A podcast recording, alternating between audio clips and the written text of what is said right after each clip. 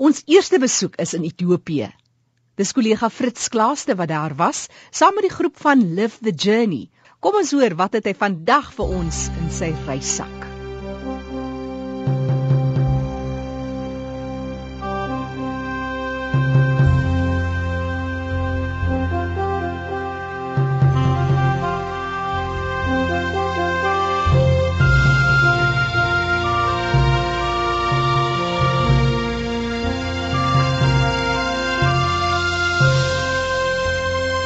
Vandag kyk ons na 'n besondere gebied in Ethiopië, die Bali-berge, relatief onlangs eers ontdek deur wetenskaplikes. Die Duitse ontdekkingsreisiger Carlo von Erlanger het die streek rondom 1899 ontdek, maar niks het verder gebeur nie. Net aangeteken, maar dit was eers sedert 1950 dat verskeie wetenskaplikes, aardrykskundiges en ontdekkingsreisigers die Bali-streek besoek het en die Bali Nasionale Park in 1969 gestig. In 1960 het die Belgiese veeboer B.N. Weerts 'n stuk grond in die Geysey Vallei gekoop. Hy het sy huis op 'n heuwel, die Dinsho heuwel gebou en dit dien later as die hoofkwartier van die park. Die park is geleë 400 km suidoos van Addis Ababa in die Oromia streekstaat in die suidoostelike Ethiopiese hooglande. Die parkgrootte is 74 by 53 km en ons vind Ethiopië se hoogste pieke in die Bali Nasionale Park, soos Berg Batu. Daar's ongeveer 1600 vlei-land plantspesies in die park, waarvan 177, dis 'n derde van die totale vlei-land spesies, word hier aangetref. En daarvan is 31 spesies beperk tot die streek, met ander woorde, dit kom slegs hier voor, enig in die wêreld. Die park bestaan basies uit 5 plantegroei streke of gordels: die Geysey-vallei grasveldstrook, dan die Afro-alpynse strook, die Erika gordel en dan die Arena bergwoude. Die Geysey-vallei grasveldstrook strek op 'n breë plato op 'n hoogte van 2600 tot 3000 meter bo seevlak, hoofsaaklik fynstruik en grastipes en eentjies as ook droë immergroen bergwoude of boomveld en dan neffens die Geysey woude wat weer hoofsaaklik boomryk is en verskillende tipe struike wat veg om die oop spasies. Dan is dit die Afro-Alpynse strook, selfverklarend het die strook die ontdekkers laat dink aan die Alpe, van daardie verwysing na alpyne, waarvan die hoogste pieke tot 4000 meter bo seevlak strek, 'n sagte, golwende bergagtige landskap. Die Erika gordel verwys na die film Die gordel bestaan hoofsaaklik uit die Erica arborea en die Erica tremera en is eintlik die strykryke oorgangsgebied tussen die hoë Afro-Alpynse plato en die laer Arena bos. Nou die Arena bergwoude. Die Arena woude is een van die mees omvattende en onbegaanbare natuurlike woude wat oorbly in Ethiopië. Die streek word verder verdeel in 5 lugdrukgordels gebaseer op duidelike verskille in die samestelling van die boomspesies, soos die lugdruk verander oor die hellings.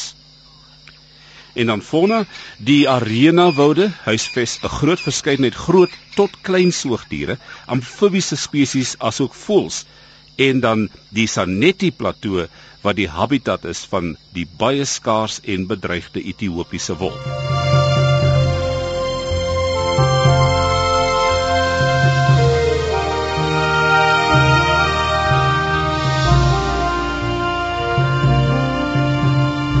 Die wilde hond is heeltemal verdryf uit die omgewing weens vorige menslike nedersettings en die bou van infrastruktuur.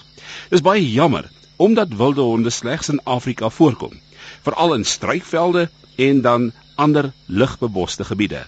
Hierdie pragtdier het groot ronde ore, 'n korter donker snoet en langerige hare. Kenmerkend van hulle is die lang wit sterte wat opgelig kan word wanneer hulle opgewonde is.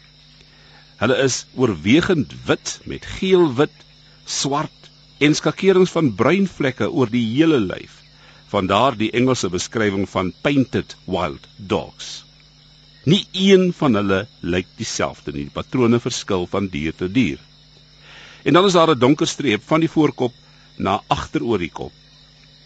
'n Volwasse wilde hond het 'n gemiddelde massa van 25 kg en 'n hoogte van tussen 60 en 75 cm. Hulle is hoogs intelligente diere en ook baie sosiaal.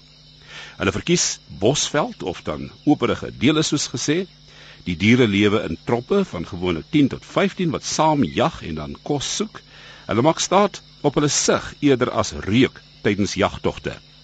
Die wyfie is telkens vir 2 maande dragtig en skenk dan gewoonlik in die winter geboorte aan 2 tot 6 kleintjies. Wilde honde het 'n moontlike lewensduur van 10 jaar. Volgens 'n verslag wat ek gelees het en ander wat dit bevestig het, is daar maar slegs 3 tot 5000 van die diere oor. En is bykans uitgewis in die oostelike Afrika state soos Kenia. Waarom? Waarom is die toestand so? Anders as ander jagdiere soos leeu's en ander katspesies word die wilde hond beskou as die hoofbedreiging vir veeboere. Dis dus vir veeboere in Afrika beter om hulle uit te roei as om toe te sien dat hulle profit deur wilde honde verskeer word. 'n Tragiese toedrag van sake, 'n toestand wat kan lei tot die totale uitwissing van 'n spesies mits daar menslike ingryping is vir die oorlewing van 'n unieke en pragtige dier. Ek speel graag die volgende persoonlike ondervinding in die Bali Nasionale Park.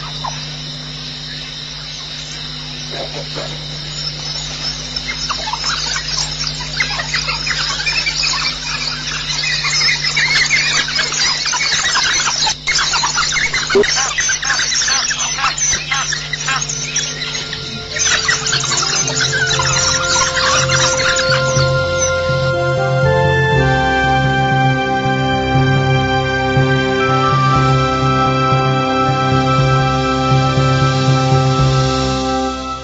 Bydraes versorg deur kollega Fritz Klaaste en uh, hierdie ervaring wat hy met ons deel was tydens sy besoek met die span van Live the Journey in Ethiopië. Gemaak 'n draai op hulle webtuiste by www.livethejourney.co.za. En net so vir die interessantheid, die getalle van wilde honde op die Afrika kontinent.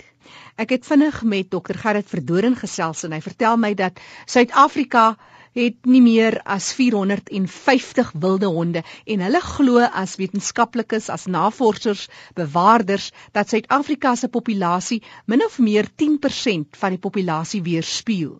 En van hierdie 450 wilde honde is die grootste konsentrasie in die Kreerwiltuin.